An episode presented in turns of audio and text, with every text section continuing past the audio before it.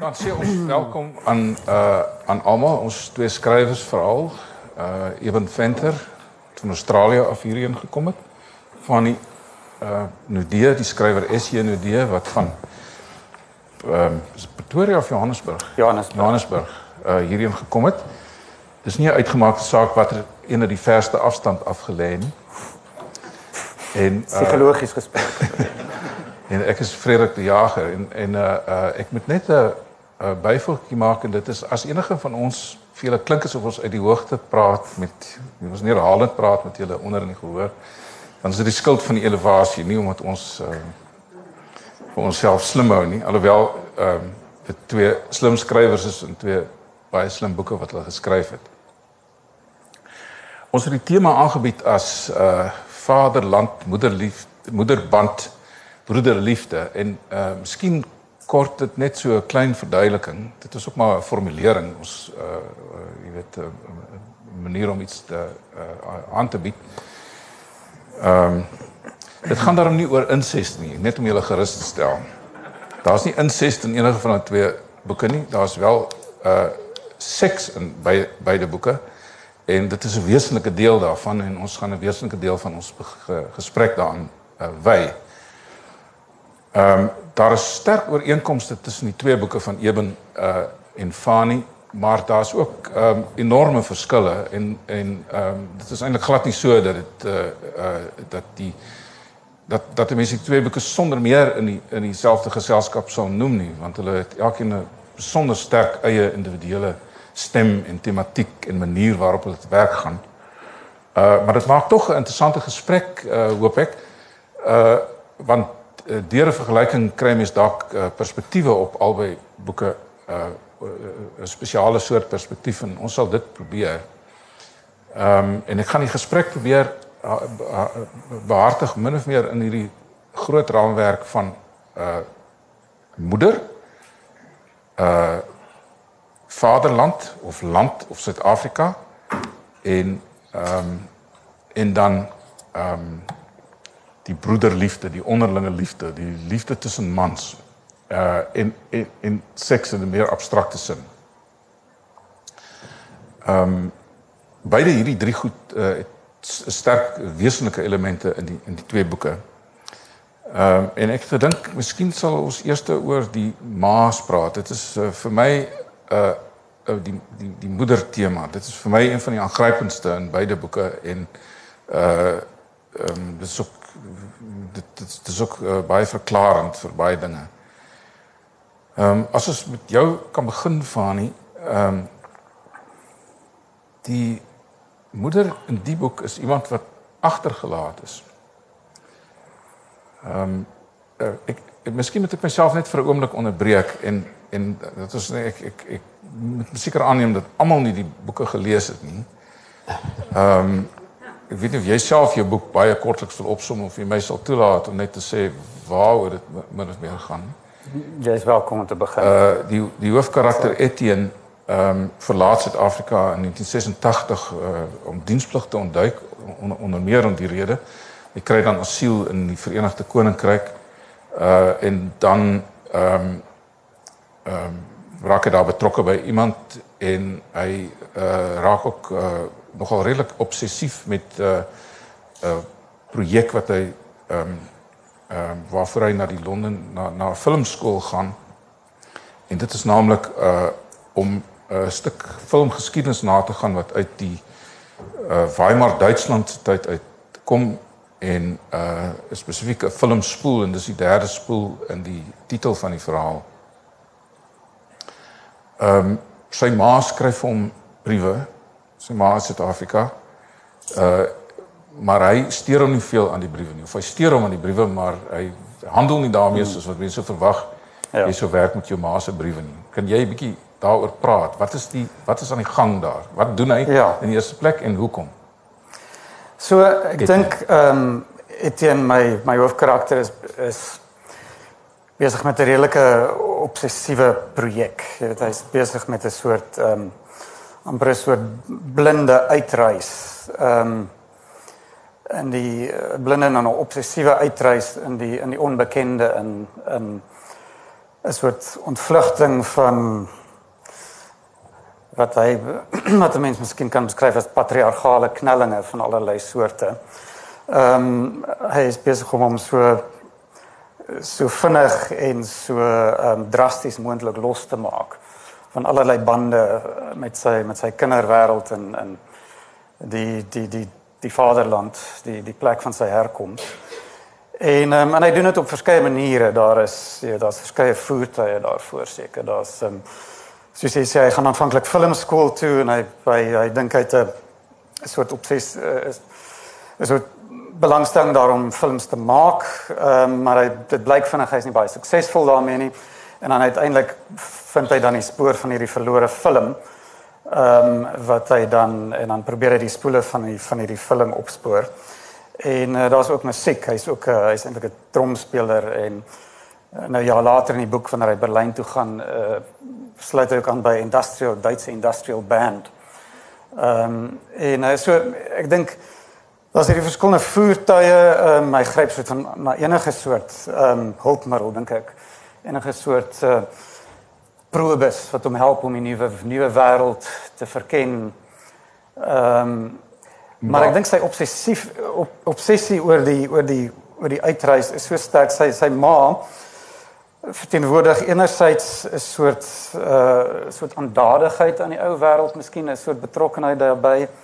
Ehm um, ten minste miskien in die aandadigheid nie is 'n soort van konformerende posisie ten minste teen wil en dank met die wêreld waar hy vandaan kom. Ehm um, En uh, aan die ander kant is sy ook die enigste persoon in sy in sy kinderwêreld wat ook 'n begrip gehad het, 'n soort begrip, instinktiewe begrip vir sy opposisionele ingesteldheid, sy ehm um, die onverduurbaarheid van daardie wêreld.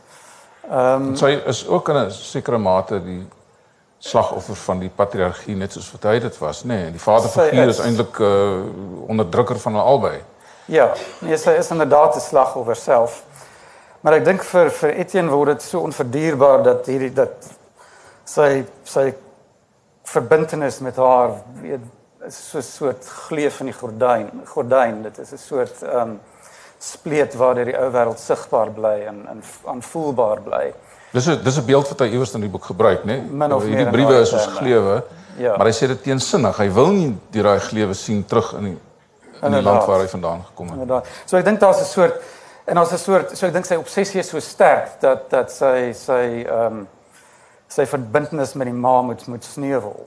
Ek dink sy ma kan ons sê sy ma is collateral damage in sy uh, in sy projek. Moontlik. En daar is 'n soort verwonding by hom en by haar as gevolg van die aflegging van die van die van die band. Maar is dit is dit regverdig om uh, te sê hy is plein wreed teenoor sy ma? Seker, daar is 'n soort onthutsende koudheid in die manier waarop hy dit regkry om die om die om dit af te sny.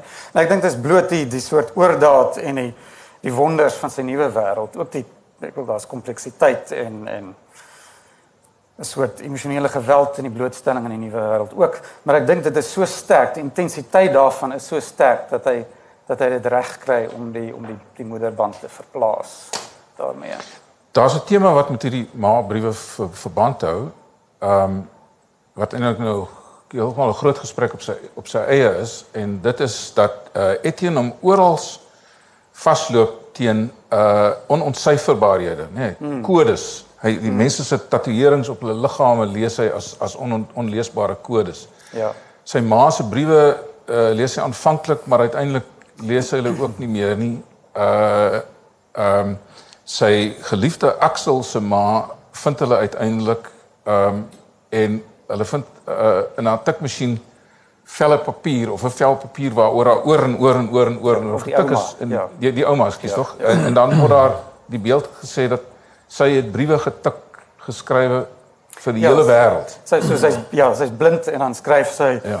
en haar en haar dotage en haar dimensie um, ja. oor en oor op dieselfde bladsy dat dit 'n soort van 'n swart maar, maar ook die ander aktiwiteit ja. waarmee sy besig was naamlik hierdie film wat hulle gemaak het in uh in in Nazi Duitsland in ja. uh, uh te midde van groot gevaar. Hulle was 'n hulle was 'n stel Jode wat daarbey betrokke was. Hulle wou film maak oor oor die onskuld van kinders van kind kinder kinder daar, maar uh haar haar aantekeninge daaroor is ook onvoltooid en haar taal verloop uh um heeltemal skeef later en daar's daar is ook goed daarin wat hy moet on, ons ontsyfer is dit nie. So inderdaad. Uh, nou wil ek vra ehm uh, hierdie stroombriewe dit word daar's twee strome en miskien moet ons net gou nou nou sê hoekom is daar twee strome briewe maar die word ook deel van hierdie onleesbaarheid die of die frantiese pogings van Etienne om iets af te lees ja van die wêreld. Ja. Ja, miskien moet ek gou sê hoe die twee briewe strome werk. So sy ma skryf aanvanklik briewe 'n brief en dan besef sy dit word onderskep deur deur Etienne se pa en en gelees of trouens dan ook nie gestuur jy weet die die stuur daarvan daarvan word ook verhoed.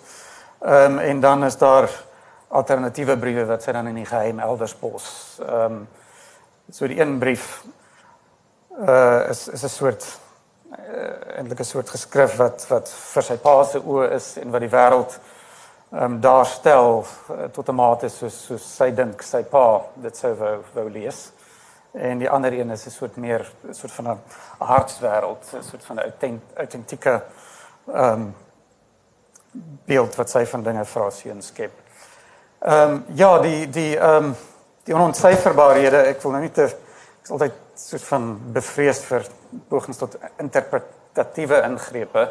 Ehm um, maar inderdaad ehm um, daar sekerlik iets omtrent uh, Etienne in sy in sy uitreis is besig om 'n nuwe wêreld vir homself te probeer uh vertaal of ontsyfer. Ehm um, hy is besig sekerlik besig om homself vir daardie wêreld ook te vertaal en en en ontsyfer.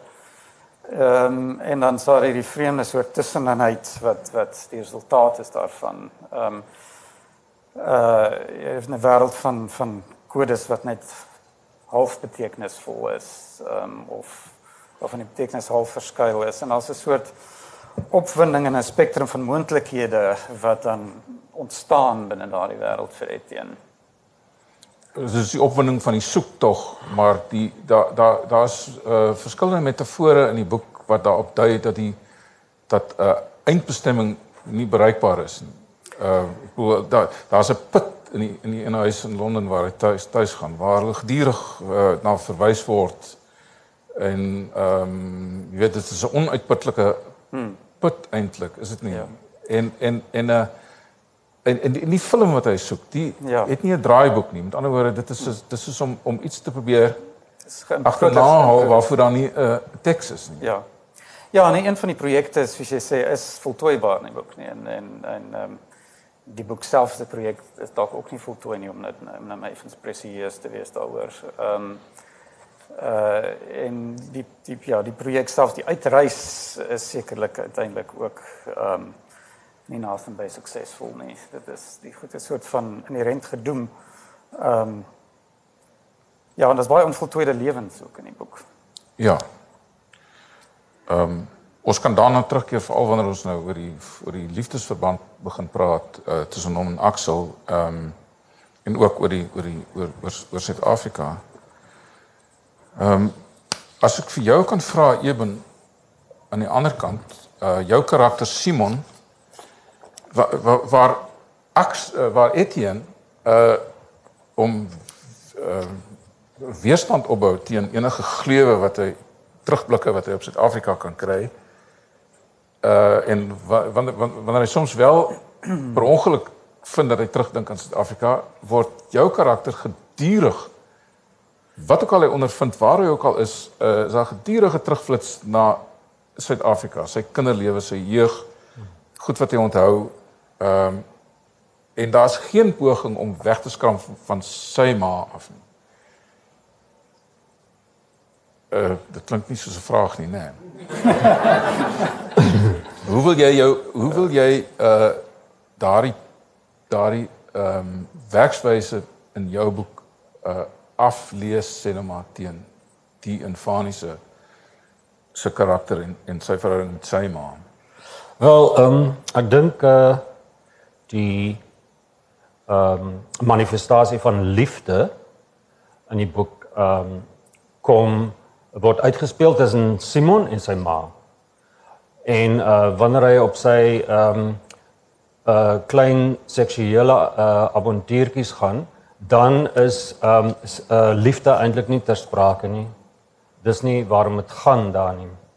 Maar um wanneer hy dan saam met sy ma is, dan dink ek word uh liefde in in al sy forme of al haar forme ehm um, tree na vore, jy weet daar is ehm um, die besef van al twee dat hulle te maak het met 'n mens vol vol fletse, vol foute ehm um, en dan tog ten spyte daarvan ehm um, het hulle 'n geweldige innigheid teenoor mekaar, ook fisiek en en 'n begrip en ehm um, so ek dink dis waar die liefde in die boek ehm um, soort van tot stand kom.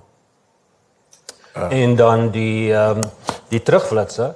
Ehm um, ja, daar's 'n vreeslike mooi ehm um, stuk in James Coetzee se laaste boek van essays dat heet Late Essays waarin hy praat van ehm um, uh hoe jy omgaan met die verlede in terme van ehm um, uh visioene en stemme. En hierdie uh visioene en stemme uh, word dan deel van jou um, herinnering. En ek dink uh omdat ek al binne die helfte van my lewe in Australië woon, is is dit die geval met my. Jy weet dat ek sulke absoluut sterk visioene sal kry, byvoorbeeld van die plaas in die Oos-Kaap waar ek groot geword het. En dat dit deel van my herinnerings ehm um, soort van uh, pakket geword het. En how do you deal with that? Jy weet wat maak jy met hierdie uh herinneringe sommige daarvan byna ondraagbaar.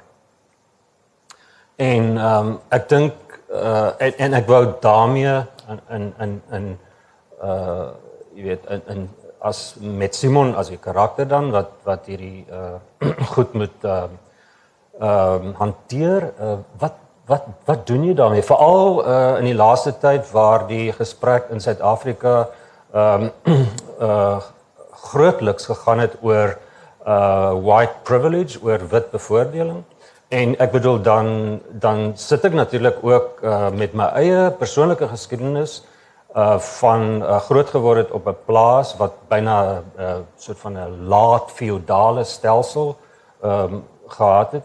So ek wou met daai tipe van herinneringe eerder as om 'n storie binne want um Ampie Kotse het my gesê, maar wat het geword van die plaasroman? Gaan iemand nog 'n plaas? Ek sê Ampie, die plaasroman is dit is klaar, dis verby.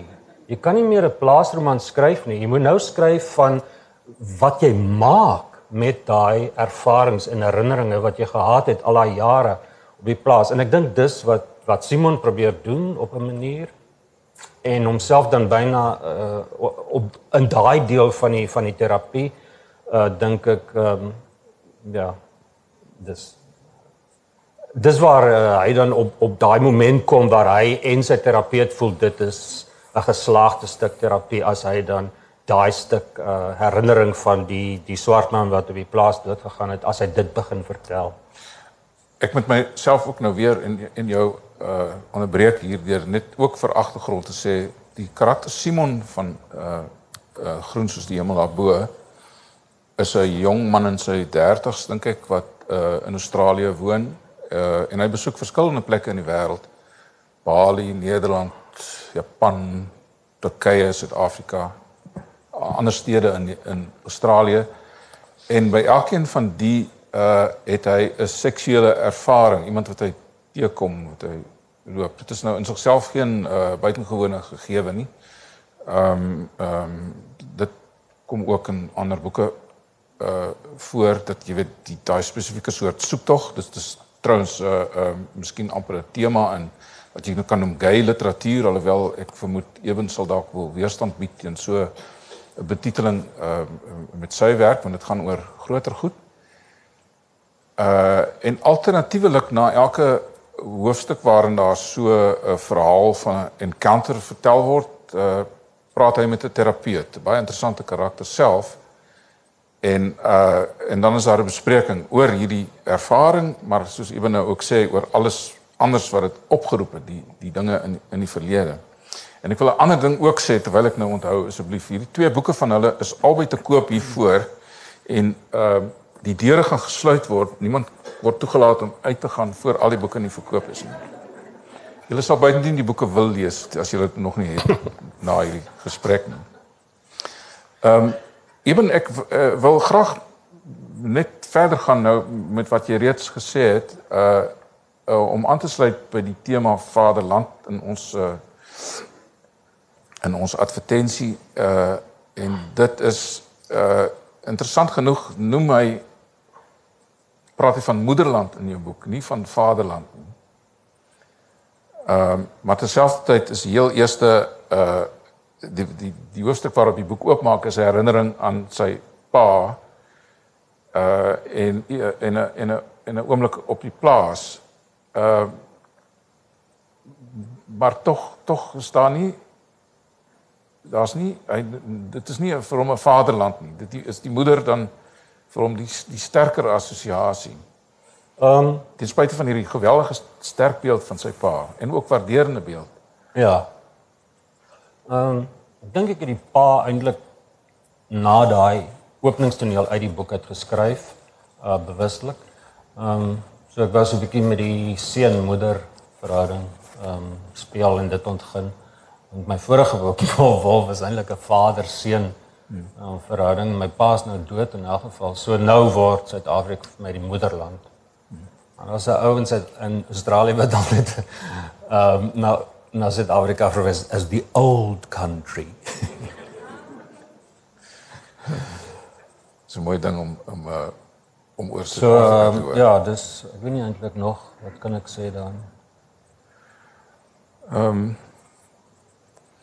Jy het nou reeds uh, daaraan aangeraak, maar een een van die goed wat hom die meeste besig hou in sy terugherinnerings aan die land is hierdie kontras van armoede uh tussen ryk en armoede en en ek wil glad nie myself die onderwerp van die gesprek maak nie maar ek woon self uh maar vir 2 jaar in die buiteland en uh as daar een ding is wat my sterker en sterker opval die hele tyd En dis waarskynlik dieselfde as wat dit was toe ek hier gewoon het, maar dit val my net meer en meer op is hierdie geweldige kontras tussen ryk en arm. Iets wat 'n mens teoreties weet, maar die waarneming daarvan raak intenser. Is dit wat met Simon ook gebeur? Ja, ek dink so absoluut. En um, dan ehm um, soos wat die die ehm um, die terapie uh, verloop en en en voortgaan en en vorder, want die uh, psigoanaliste sê dat daar eintlik net sprake is van terapie as daar 'n bepaalde verhouding tussen die terapeut en die ehm um, en die kliënt plaasvind sodat nie sodat dit nie gaan in die eerste plek oor of die terapeut of die kliënt nie maar iets ontwikkel tussen die twee. En ek dink uh aan die einde van die boek is dit dan wel wat wat gebeur en dan ehm um, sê sy vir hom iets wat ek raak geloop het in 'n gesprek tussen ehm um, Arabella Kurtz en Jam Kutsie uh, waar hulle praat oor ehm um, die depressiewe posisie en dit is nie dit slaan nie op ehm um, depressive nie ehm um, soseer maar dit gaan daaroor dat jy ehm um, in jou eie lewe die positiewe en die negatiewe uh, sye moet kan ehm um, absorbeer en en en en daarmee vrede maak want dit is wat jy is. Jy gaan nooit iets anders wees nie.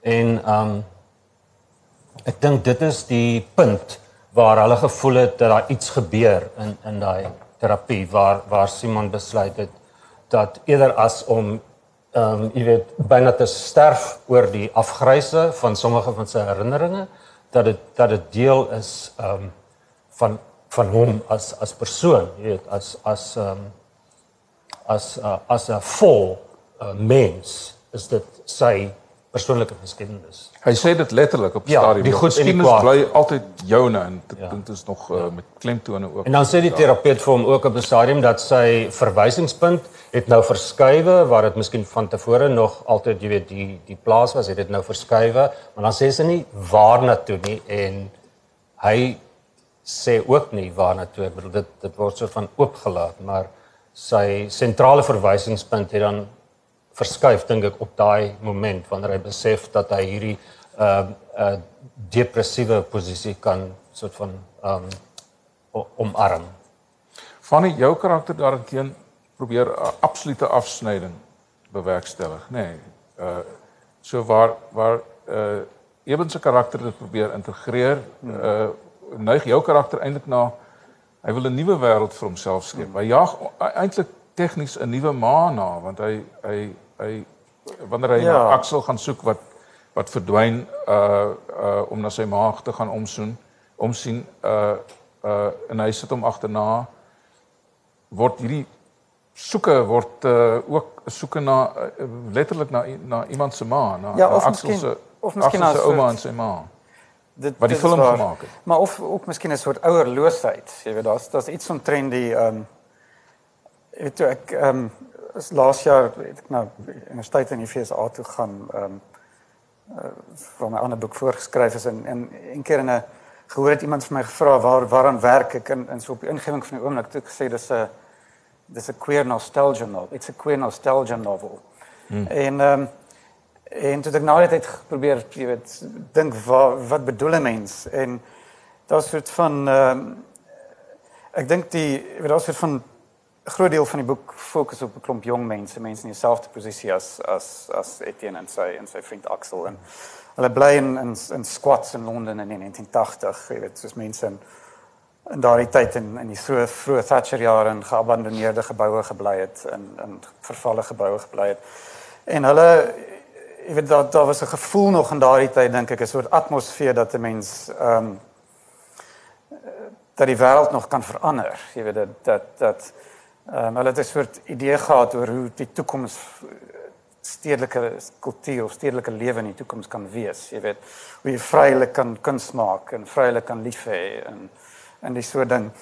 Ehm um, en 'n soort van ironies, dit lyk nogal soort van oulik, jy weet, soos van quaint as mens nou terugkyk na daai soort benadering. Want die wêreld so verander, jy weet, magsverhoudinge het in 'n in 'n in 'n makrosin het so vasgeval op 'n manier. Ehm um, daai het jy nog 'n ideologies bipolêre wêreld gehad en en al die soort ding. So jy weet in hierdie so hierdie ek noem hulle kinders, hulle is miskien 20, vroeg 20s. Maar hulle tree so 'n bietjie soos kinders op, jy weet op 'n naïewe manier, maar daar's ook iets interessant en utopies. En iets daarvan is so so dinkering na na na 'n wêreld weg van die ouers, jy weet, weg van die ma's en die pa's, jy weet, 'n soort van uh 'n soort ehm um, ek weet nie, miskien staan die stad nou in vir die, vir die vir die in die posisie van die ouers. Daar daar's 'n oomblik in die boek en dit is 'n baie uh navrante oomblik, nê, nee, wanneer sy ma wel dit regkry om te reis na Engeland om hom Ja. te gaan soek. Ek meen dis na sy pa se sterwe. Dis reg, uh, ja. uh, so dan jy weet, stel dit haar vry. Ja. En ek het byna die indruk ek ek wil ek probeer myself visualiseer hoe geskok sy moet wees wanneer sy daar aankom by die plek waar hy gebly het. Dis so Ja. squats. Sy moeder uit uit squalor. verstedelike Pretoria. Dis reg. maar ek het dis amper asof ek die 'n gevoel het dat daar 'n suggestie is dat sy haar dit dat sy die kapasiteit sou hê om dit te akkommodeer. Maar uh dit is dit is asof hulle twee aan weerskante van 'n membraan kom mm. want hy is nie daar nie en sy gaan weer terug sonder dat hy hy al gesien het. Hy hoor dit eers agterna. Ja. Maar asof die twee wêrelde membraan ver van mekaar af gekom het vir 'n oomblik of oorinterpreteer ek nou. Dit Nee, dis is dis vir my baie mooi. Dis absoluut reg. Ek dink daar is 'n soort ehm um, uh, jy weet op 'n manier sy het die soort kapasiteit en dit is die tragedie miskien op 'n manier van die van die die feit dat dat daardie membraan eintlik bly bestaan tot aan die einde, jy weet selfs neem te veel weg, maar selfs wanneer haar weer sien, jy weet is is daar ook nie 'n vermoë tot tot deur deurprieming van van van die die grens die die uh, obstruksie tussen hulle nie. Ehm um, En ja, dit is seker die tragedie van die verhouding. Ehm um, sy het beslis die die die die vermoë om sy sy woede en die sy opposisionele ingesteldheid en jy weet sy sy queerness in die breedste sin van die woord ehm um, te akkommodeer en te begryp. Ehm um, maar binne die die historiese konteks van die hulle twee lewens ehm um, gebeur dit nooit. Uh Etienne uh, Simon se ma uh het ook toon beide sy sy sy aanpasbaarheid en nie wanneer sy hom in uh in Australië besoek uh kry sy so klein bietjie blootstelling aan van sy uh, Australiese vriende uh, en en jy weet min of meer die queer gemeenskap en ehm uh, sy probeer en sy kry dit reg en sy kry dit ook nie reg nie. Uh maar dit is ook miskien haar soort karakter is dit nie. Sy is 'n iemand wat sterk opinies van haar eie het. Dit word ook in Suid-Afrika gedemonstreer wanneer hy haar daar besoek. Dit word mooi vasgevang in die haarkapper interaksie terloops Ja. ook. Ja. Ja, ek dink sy sy probeer, maar in die punt waar sy effens skuldig voel oor haar gedrag. Dis op daai punt wat sy wat sy daai ou wat haar hare gedoen het en wat haar hare gewas het wat sy naam baby was. Dis op daai punt wat sy hulle soort van aanvaar of wat sy van haar aanvaarding teenoor hulle aan aan Simon te kenne gee. As 'n soort van 'n offergawe of so iets. Ja. Ja. Maar die die die die lyn na haar is is oop die kanaal. Daar's daar's nie hierdie afsnyding wat daar Nee, in Fanny se boek is. Ja, nie. hulle het 'n baie nie dat dit 'n- soort van eerlike verhouding en hulle sê soort van alles wat hulle wil en weet en dan Ja. Ehm um, uh ek ek het hier 'n aantekening gemaak eben ons is nou nog steeds uh, uh, uh min of meer by die die ehm um, tema van die die vaderland of die moederland uh ehm um, en hoe jy jou geskiedenis joune maak en so meer. Daar's 'n daar's 'n vreeslike mooi frase in die boek vir my. Ehm um, moet gou probeer kry. Uh wanneer hy Kaapstad besoek en hy's nou op pad met 'n bestuurder na 'n vreeslike uh, interessante partytjie toe waar klere alwens verpligtend is. Uh dit is 'n bietjie van 'n tema vir Simon. Hy kondig dit al vroeër aan dat hy die selfvertroue ontwikkel het om in 'n kamer vol kaal mans in te loop sonder dat hy self selfbewus voel. En nou gaan dit gebeur in Kaapstad. Maar hulle ry by daai ek het ook, ook daar naby gebly uh uh hierdie raffinaderry met sy vreeslik interessante pype en torings en uh trappe en liggies en dit is soos 'n inderdaad soos 'n toneel uit die film Bra Bra Brazil. ek het nog al sk- geskrik toe ek dit die eerste keer sien. Ek het gedog dis Kuiberg wat besig is om ja. om Uit te brei. om te ontplof of iets. Maar hy skryf daar oor homself, jy weet hy verwys na homself. Ehm um, hy stel homself daar teenoor en sê jy met jou tengere hart en warm bloedige vel het die uitlander geword.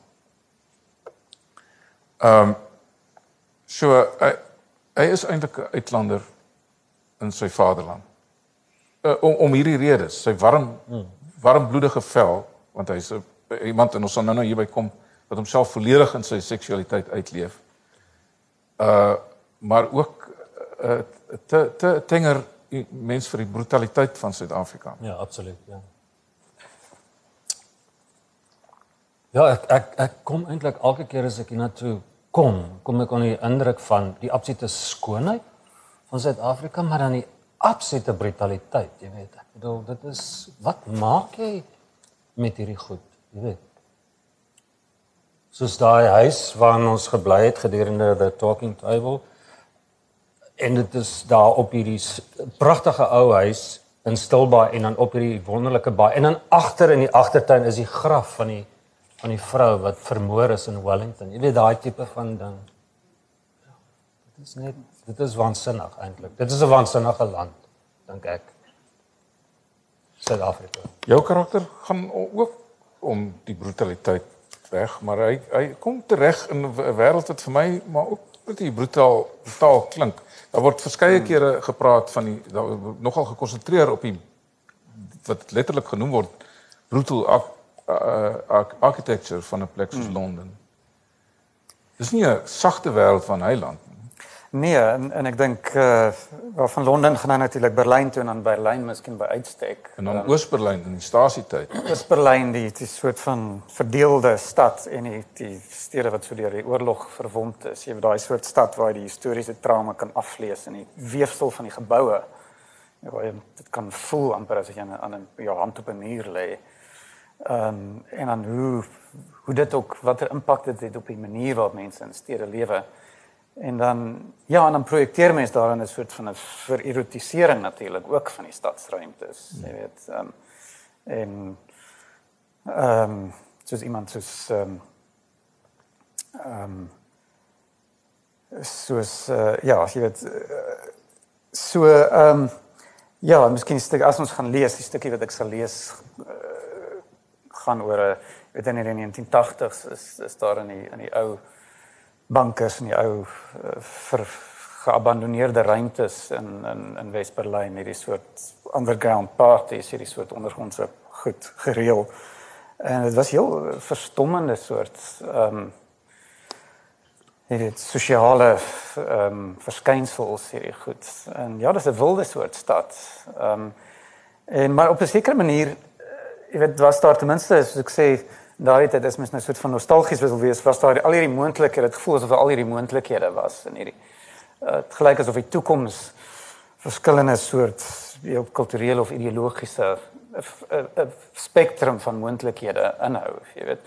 En die waarheid is ek dink as jy nou kyk na nou hoe daardie stede nou werk ehm um, jy weet 'n soort van as jy nou kyk na Londen wat wat grootliks 'n gesteriliseerde soort ehm um, stad van ryk mense ten minste sentraal Londen, jy weet van van ryk mense geword het. Ehm um, dan uh, ja, dat was miskien daar was miskien 'n soort uh, was nie 'n soort teerruimte nie, maar dit was ten minste ruimte van opgewondenheid en en verskillende soort waardestelsels waar dan nou 'n uh, heel spesifieke, jy weet kapitaalgedrewe ehm um, eendimensionele soort waardestelsel grootliks geld en wat amper meer brutaal is.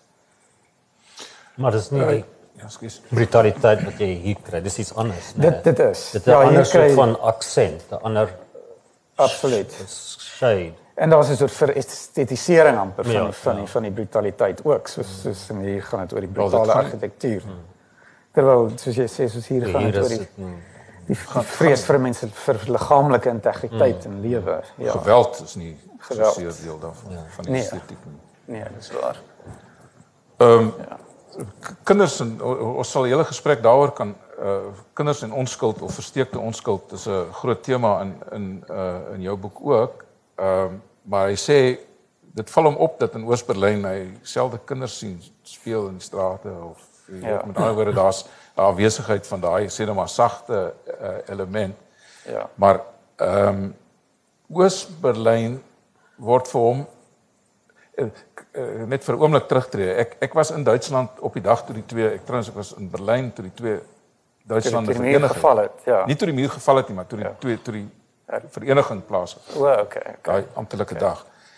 En uh en ek het uh, obsessief televisie gekyk.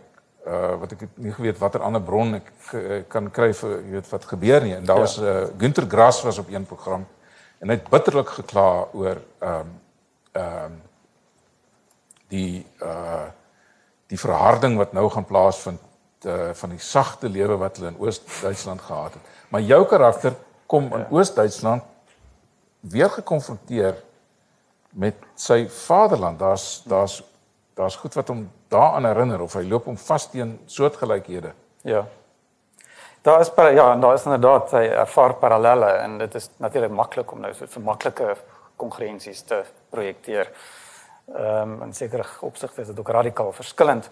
Maar ja, ek dink jy weet daar is ehm um, hierdie uh ek dink nou dis ek gaan nou effens van jou vraag af, maar ek dink aan die laaste keer toe laaste keer wat ek in in Berlyn was, wat ek in die ehm um, daar was 'n ou Stasi tronk in Hohenhausen, um, so in die verre noordooste van die stad.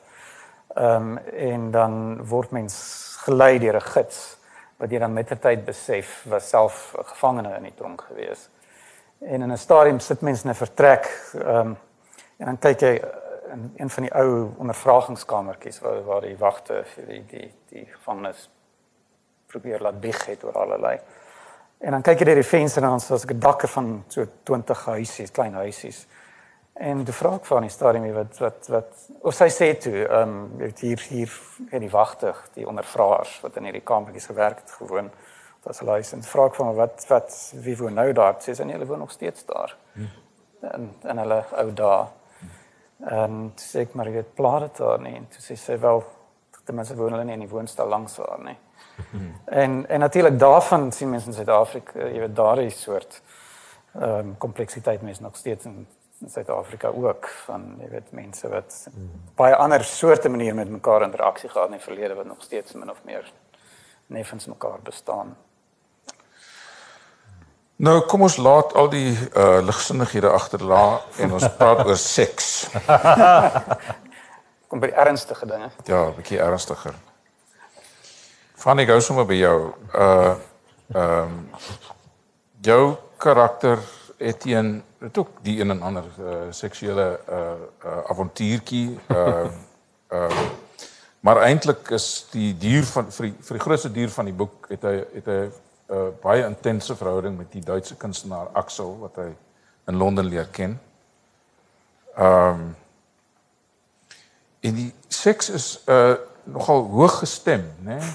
Dit uh, dit is dis elektriese ladings en volts en vlamme en ehm um, en daar's 'n daar's 'n daar's 'n groot intensiteit. Hulle die, hmm. hulle skeur mekaar. Uh die woord skeur kom verskillende kere voor. Hmm. Ehm um, waarop sou dit dui? Wat wat wat sê dit van die karakter? Ek hoop nie jy dink dis purper die die die, die seks nie nee, maar. Nee nee, nee, genaamd nie. Ek, maar intens is dit beslis. Ja. ja, ek ehm um, Ja, so, ek dink as ek vroeër aangeraak het, ek dink die ek dink nog ek nog Etienne is vreeslik geïnteresseerd in sy seksuele psigologie. Hmm. Anders as as miskien Etienne en sy karakter in in sy roman. Ehm um, jy weet dit's dit's dis nie 'n soort coming out roman nie. Dit is nie uit die kastelem roman nie. Jy weet hy hy versoen hom baie vinnig met sy soort nuwe seksuele identiteit en is of dit neem dit so takes it in his stride soos mens in Engels sê.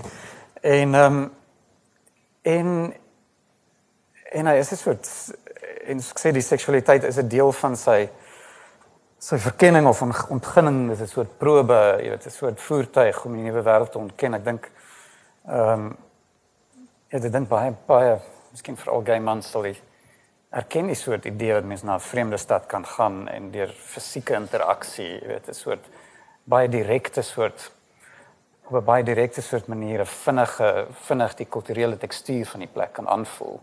So daar's iets daarvan ehm um, ehm um, en dan soos ek ook genoem het hierdie hierdie driehoek van van die stad, die historiese trauma en die en die erotiek, jy weet, maak nogal vir 'n potente soort konkoksie. Ehm um, die intensiteit is soort van soort van natuurlik, jy weet, dit word natuurlik gegenereer deur daai dinge dink ek. Ehm um, ek het al 3 mense uitgeloop. Ek is glad nie spyt nie. ek het glad nie eens opgelet. Ek het nie geen berou nie, is wat ek bedoel.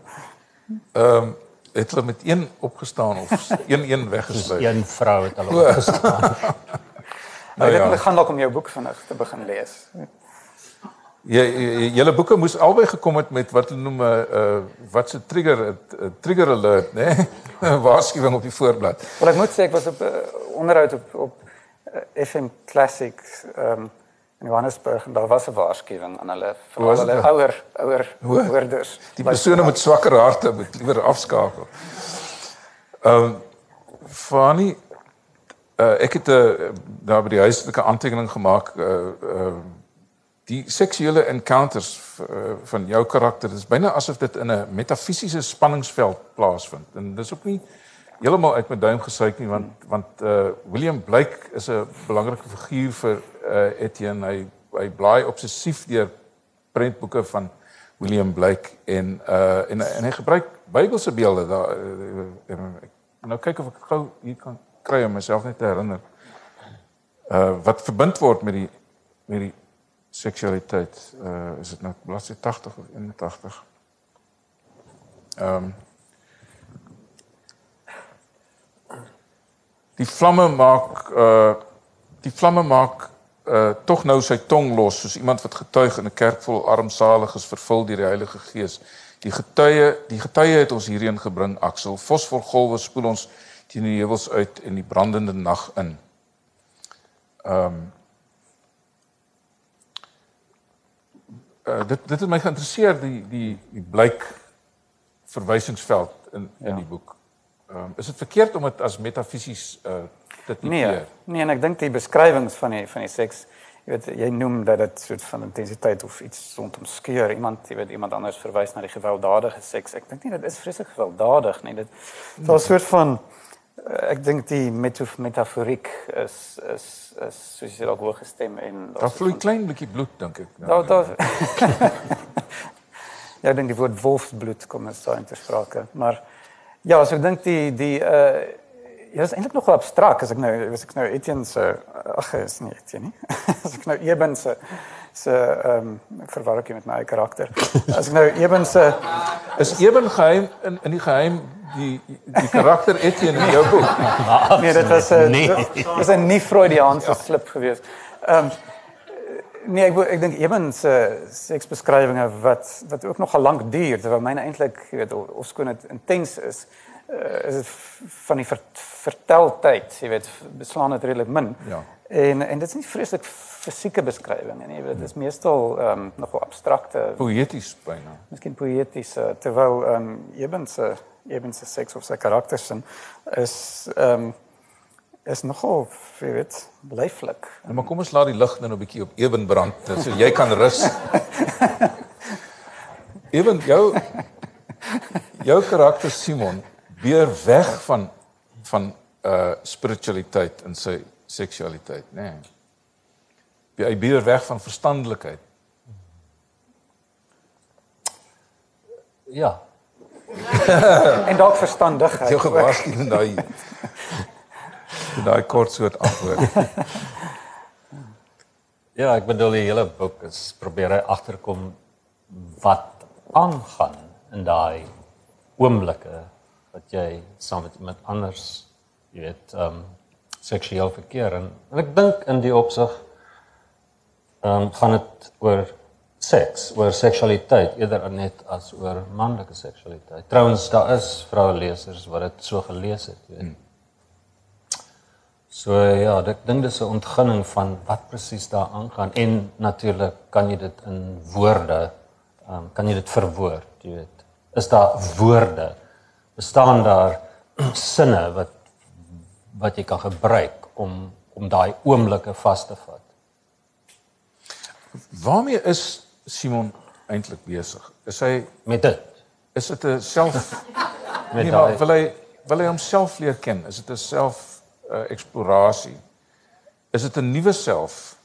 Hy praat in 'n stadium van sy nuwe normaal. Ja, dit is 'n ja, hy hy wil sy seksualiteit uh probeer ken en en en ontgin op soveel maniere as moontlik en en kyk wat daar aangaan en en daarmee ehm um, ehm um, vrede maak en en tuis voel in sy eie liggaam.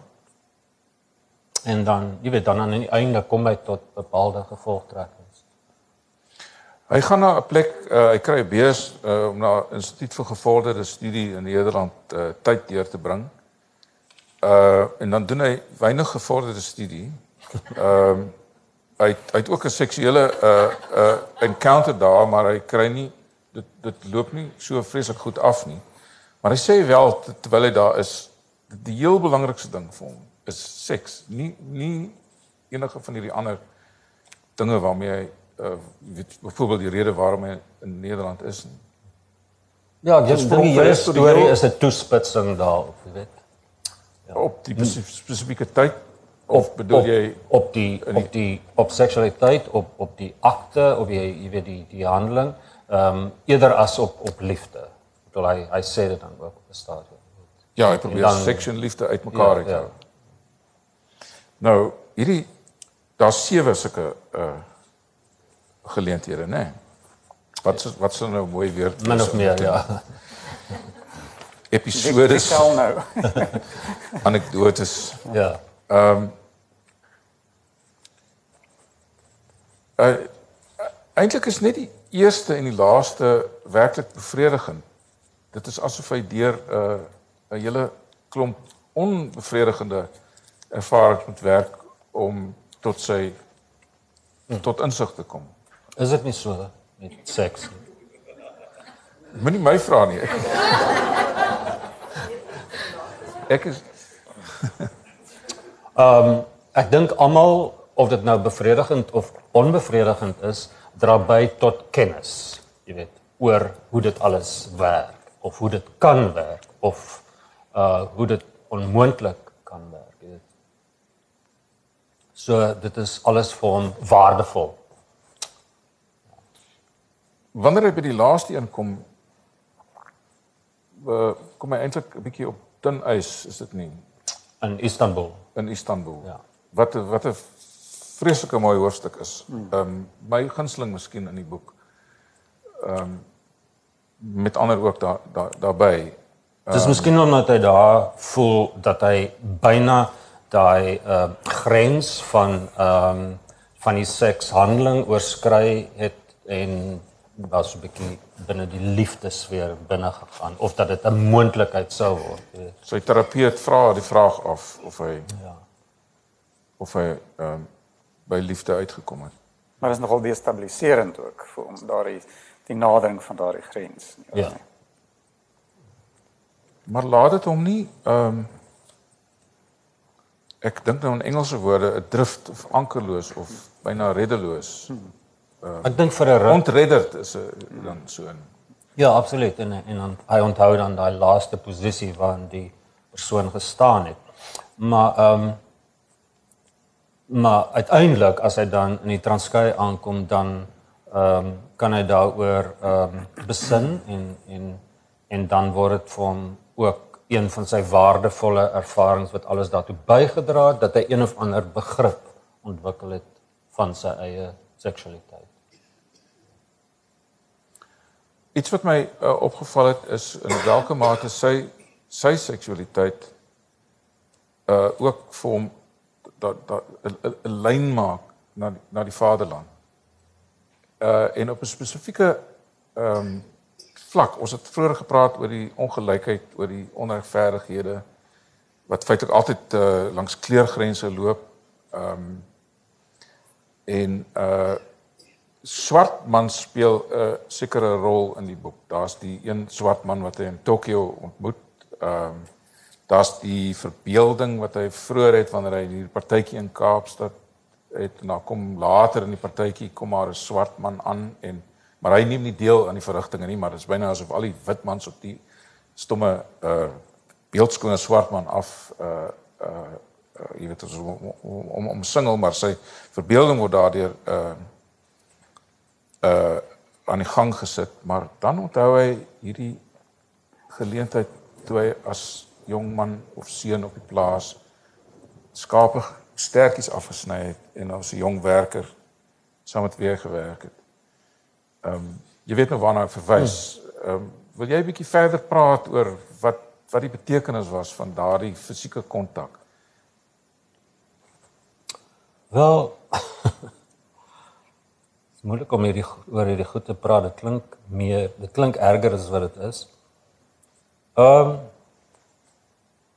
Kyk, hy dink op 'n stadium dat ehm um, seks 'n soort van 'n gelykmaker tussen rasse of tussen etniese groepe. Ehm um, en dan dink ek in Tokio of later kom hy agter dat dit eintlik nie so werk nie. Dit is dat hy eintlik die hele ding vanuit daai ehm um, oogpunt wil benader, maar ehm um, die uh swart ou wat hy daarmee te doen gehad het in Tokio het eintlik verby beweeg uh van jy weet hy's hy's eintlik op 'n sal ek sê 'n meer gevorderde bewussynsvlak ehm um, uh, as dit kom by daai interaksie. Ehm um, en daai ding van die stertjies afsny ja, ek bedoel dit is eintlik die sneller wat hom terugneem na daai ehm um, ehm um, uh, herinnering ehm um, wat hy dan op 'n op 'n stadium aan sy met sy terapeut deel. Maar ek bedoel nik- niks meer het daar gebeur nie is dat hulle kaal arms het aan mekaar Ja, het maar net so aan 60 mekaar geraak, ja. Ehm um, met ander woorde vel vel kontak, niks dieper as vel Ja, diep nie, net maar wat. dit uh, waar dit sny, sny dit veel dieper en dis natuurlik uh, ja. jy weet gaan nou saam in 'n toneel waar hulle reeds sny aan die ja. stertjies uh, van die van die skaap. Ek bedoel die hele ding van vel vel op vel en en en en sensualiteit en daai tipe van ding het ek alles probeer inskryf in my ehm um, tonele. Ja, ja. Uh, natuurlik is beide boeke uh, erg op die uh uh sinne ingestel, nê? Nee? Reuksintuig, geweldig in jou boek. Hmm. visuele beskrywings, maar ook uh uh um, sintuiglike ervaring uh oralster waar jou karakter gaan. Dis beide karakters wat deur hulle met hulle sinne deur die lewe beweeg. Ja. Uh seker ook nou nie um uh kan seker ook nou nie anders wees as jy mense het wat um wat 'n boek bevolk soos die, die boeke wat jy het nie. Um ek dink ons gaan dalk 'n bietjie uh ons is byna by die einde. Um ons kan nou uh, Eben en Fanny het, het elke keer 'n uh, paar 'n stukkie van hulle boeke wat hulle wil voorlees en ek dink miskien sal dit gaaf wees as julle uit hulle eie stem uh, net 'n gevoel kan kry van uh hoe, hoe hulle boeke lees en as daar daar vrae is uh, sal ons en en as tyd uh, indien enigiemand belangstel kan julle 'n uh, vraag of twee aan die skrywers vra. Is dit in orde? Jy, hmm. jy het 'n boek nodig. Ehm um, ja. Ehm um, jy het vir een keer gesê ons moet self 'n vraag vir mekaar voorberei. En ehm um, toe as ek net moet ek dit vra? Ja. Okay. Ja, asseblief. En ehm um, toe ek wil graag net dit was vir my opvallend jou taalgebruik in die storie. Byvoorbeeld stroombane langs sy bene af en speekselgif en versilverde smikstel en boontjie bloeisels en en dan is sin miskien het die aarde op sy as geglip en het noord infinitesimaal verskuif. Dit was my deurgangs 'n baie verfynde omgang met Afrikaans en jy het byna nooit uh, Engelse woorde gebruik so toe dink ek of jy miskien iets wil sê oor jou keuse van van jy weet taalgebruik en vir daai spesifieke storie. Ja, ek dink die ehm um, wel soos, soos ek het self die grootste deel van my volwasse lewe buite Suid-Afrika spandeer, so 16, 17 jaar. En ehm um, en dit was snaaks, uh, jy, het jy het interessant wie nou ervaring met hoor, maar dit het 'n sekere effek. Ek het eintlik nooit Afrikaans gepraat, ek het die mense geken ook daar wat wat Suid-Afrikaners regtig geken in in die FSA en in Brittanje waar ek gebly het nie. En ehm um, en dit is interessant om te en ek verstaan ook nog nie heeltemal self mooi nie, maar wat presies met mense met Afrikaans gebeur en so in wanneer jy Afrikaans so 'n soort van dormant lê iewers. Mm. En ehm um, en ek dink dit het 'n uh, eh, aan die een kant kan mens sê dat dit miskien so van gepreserveer gebly en dat daar 'n soort van 'n miskien 'n soort ouer styl van Afrikaans, jy weet, weer herleef. Maar ek weet nie of dit heeltemal dit is nie. Ek dink ek het maar altyd die soort neiging gehad selfs in Engels om so 'n bietjie hiperformeel te praat of of weet bedag baie bedag te wees op die op, op wat hoe mense dinge sê. Hmm. Maar ek dink dalk selfs omdat ek in Engeland wou studeer het in in die soort professionele wêreld, jy weet in die city city in Londen gewerk tussen mense wat veral van die soort Oxbridge wêreld kom wat 'n soort effens geaffekteerde Engels praat, jy weet wat soort van hunker na so 'n soort van 'n Elizabethan soort fantasie het, jy weet oor hoe Engels behoort te wees, so 'n soort hiperformele Engels praat. So dalk het iets van daai soort Engels soort van teruggesuur na die deurgesuur na die dormante Afrikaans, maar dit is net maar net 'n teorie. So ehm um, ja, so vind nie regtig wat die antwoord is nie, behalwe dat dit dat dit dat dit iets te doen het daarmee, daarmee dat mense lank nie Afrikaans gepraat nie. Mense praat dit dan ook Ek weet nie wat jou ondervinding is nie. Jy het miskien meer dikwels teruggekom uit Afrika toe, maar ehm um, ek dink mense praat of, of mense besige Afrikaans met 'n soort hiperbewustheid, ja, amper so 'n bietjie soos 'n ja, tweede taal. Absoluut. Ehm um, dit is amper en ja. Sy kort kort antwoord, vir lang antwoord. So as ek kan ek vir Ja, asseblief. so ek wil vir jou vra oor ehm um, Wel, as verskillende moontlike vrae. Kom ek vra vir jou oor die ehm um, jy ehm um, daar's natuurlik daar's amper so 'n tradisie die afgelope 20 jaar van van mense wat op uh, met wat soort van hulle lesers aanmoedig om hulle boeke op tot 'n sekere hoogte ten minste as autobiografie te lees. Jy weet, 'n soort vermenging daar's die hmm. natuurlik die Coetzee Provincial Life trilogie daar's mense soos Knauskaart in Europa en en en daar's 'n hele wêreld van hele genre amper van sulke soort skryfwerk en um, in jou boek natuurlik ehm um, jou karakter is nie jou naam nie en hy's jonger as jy en maar daar's in Maar jy jy sit 'n foto van jouself voorblad en jy ehm um, daar is jou karakter dit sekere sekere aspekte van sy lewe met jou eie biografie ooreenstem. So wil jy iets sê oor oor hoe jy wil hê lesers moet lees. Natuurlik mense lees sulke boeke met 'n sekere soort ehm um, houding, jy weet, hulle dink daar's 'n soort waarheidsgerigtheid ten minste in in die skryfwerk. Ehm um, dit was so 'n ander soort energie en ek het gewonder wat jy wou doen of hoe waar pas jy in by hierdie soort skryfwerk? Ja. Dit is 'n soort vraag wat mense nou eintlik nie wil hê nie. Ehm um, dis ja, dis so vir absolute vermengsel van ehm um, my eie ervaring en opgetekende ervarings uh wat ek afgeluister het of ehm um, gehoor het by ander mense. En en dan fiksie jy weet 'n fiksionele inkleuring van van hierdie. So dis maar uh, baie van my boeke is trouens so. Hmm.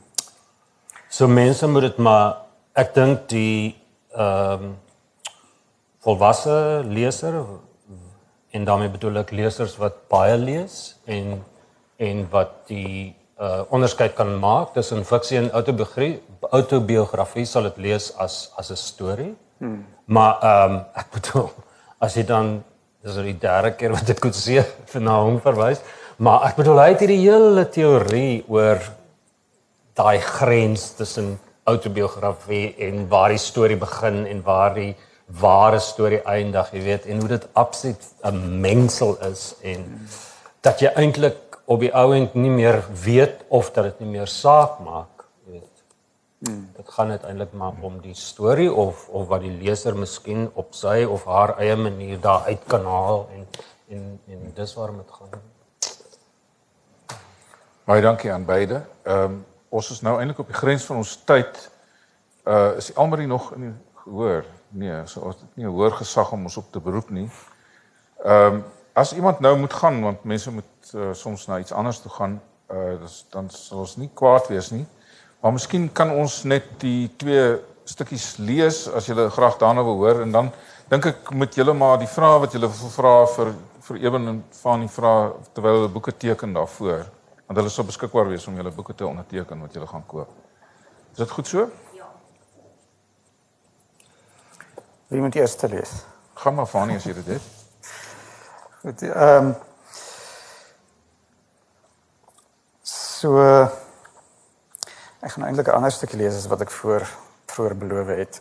Ehm um, hier is 'n uh, kortliks die agtergrond. Etienne, my hoofkarakter, het onlangs in Oos-Berlyn aangekom. Naby waar hy bly is daar 'n uh ehm um, planetarium en hy kom dan op hierdie planetarium af en en en en gaan in en gaan sit daar.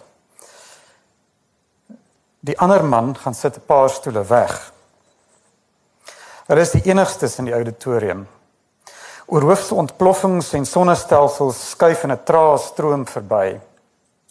Die waters van 'n bedroefde hemelsrivier wat van mensfiguurtjies in fluweelstoele afskeid neem. Sterre glip oor die rand en verdwyn. Die stoele is ergonomies defek. Binne minute pyn Etienne se nek. Dit is bedompig. Sy armhol is skriwel, sweet syfer in die fluweel in. Hy kan nie sy oë van die oorhoofse drama afwend nie. Die rivier, 'n ekwatoriale nagrivier is nou onder hom. Hy is op sy rug in 'n skuit. Sonder spanne op pad na 'n waterval wat al luider druis. Die man hou Etienne eerder as die plafon dop.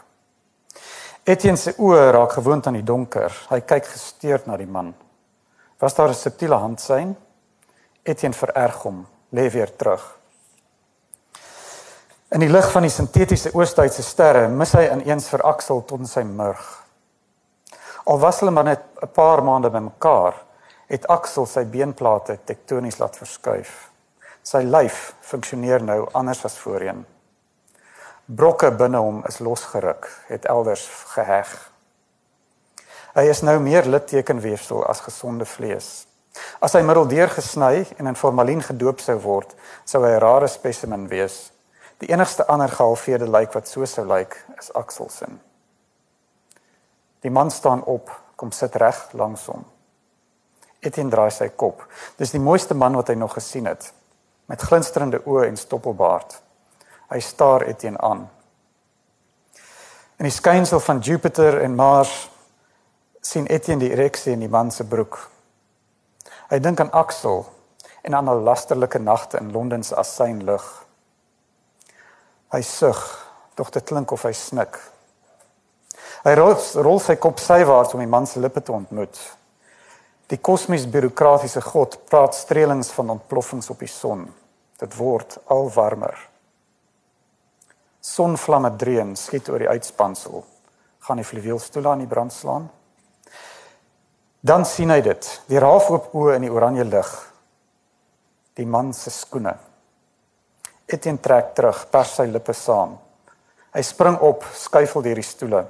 Hy struikel, draf in die paadjie op tot in die portaal, dan vervaart uit in die flits buitelug. Hy strompel agter om die planetarium en verder. Swaap, spreek Etienne homself aan.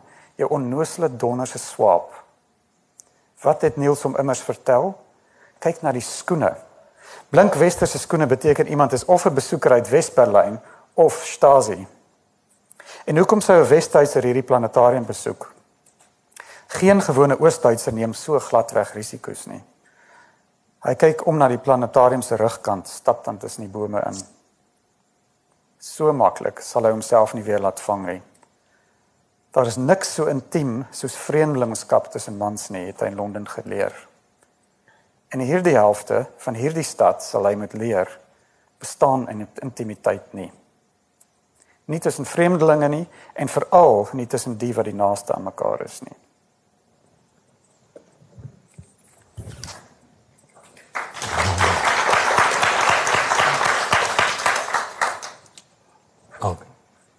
Ek en my pa staan op 'n wal vasgestampte grond. 'n uh, Fris gebou hy en die tyd van die jaar brein soos die grond onder sool. Ek is so raps verby 10 en staan daar in my kort kakie kortbroek. Bokant ons sprei die Oos-Kaapse hemel geskroeide eilblou. Dis maar net dieselfde as ons, sê my pa. Ek kyk op. Waarna toe? Sy voorarm wys na 'n trop bees regs van die wal. Daar's twee wat nie wy nie, maar besig is om te paar. Die bul se voorkwart is opgehef sodat hy die koei kan klim. Sy agterkwart, die deel wat stoot, is die ene bultende spier. Sy's kleiner as hy, die koei, met so 'n golwende blink beesvel. Uitstekende kondisie. Ek hou weg van my pa, al wes op die rug van die wal, sodat ek die koei mooi kan sien gedek word. Daar's verwildering in haar oë, gewoonlik sag en blink. En sy staar so voor haar uit gebroke. En toe gedurende daardie laaste stote net voordat sy haar op oplig en wegtrek verskrik. Ek kyk op na my pa. Dis maar net dieselfde tussen 'n man en 'n vrou sê hy weer met stemtoon wat finaliteit aan die saak gee dis hoe die mens paar uit en gedaan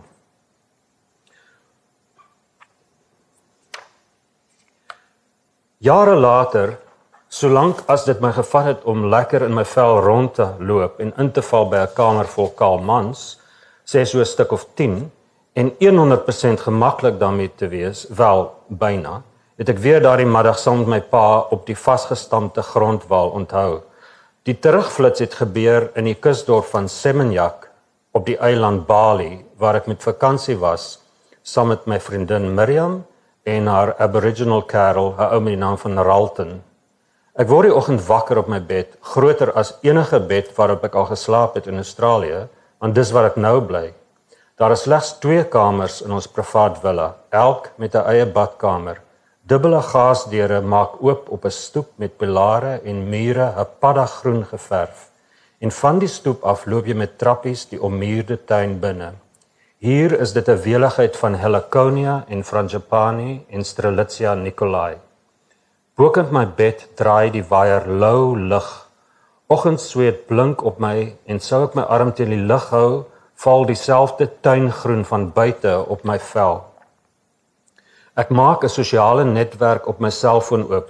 Die app is spesiaal vir mans wat mekaar wil ontmoet, om dit nou so te stel. En op die homepage is daar 'n galery van duimgrootte foto's van dies wat tans beskikbaar is.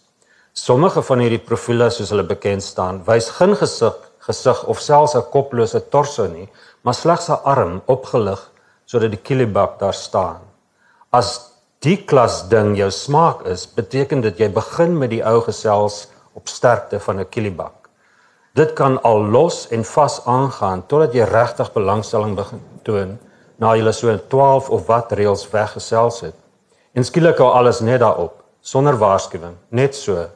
Dis eenvoudig. The message of the medium is onsekerheid. Nou begin jy jouself treiter. Het jy iets het jy iets verkeerd gesê? Maar wat? Miskien was die foto wat jy aangestuur het te vuil gat of te vanilla, soos hulle sê, of miskien is jy heeltemal buite jou liga. Verseker het jy te veel van jouself laat blyk. Jou selfbeeld is in sy moer in. Dames en here,